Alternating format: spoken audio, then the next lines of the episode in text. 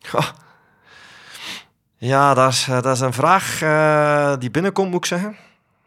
Want ik heb heel lang twijfels gehad, extreme twijfels, of dat ik überhaupt wel vader wou worden. Ongeveer de helft van de Nederlanders heeft een chronische ziekte of aandoening.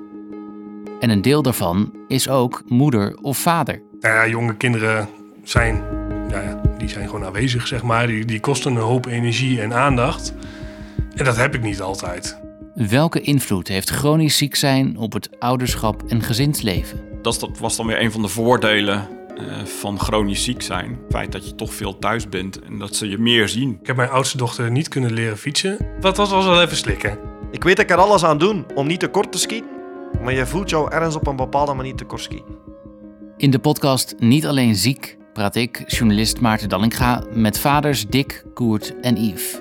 Want je bent 31, wat is je gevoelsleeftijd? Nou, ik denk dat je dan eh, de pensioenleeftijd wel overschrijdt. eh. Meen je? Ja, ja, dat denk ik wel. Die pijn, die flitsende pijn in dat linkerbeen die er eh, altijd is. Ik kreeg blackouts. Ik werd extreem, extreem moe. Niet Alleen Ziek, de vaders is het vervolg op mijn interviews met moeders. Aflevering 1 verschijnt op 1 juni.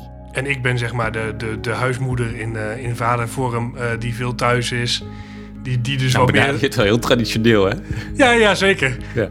Volgens het ideaalplaatje is, is het eigenlijk andersom, zeg maar. Tenminste, volgens mij een ideaalplaatje.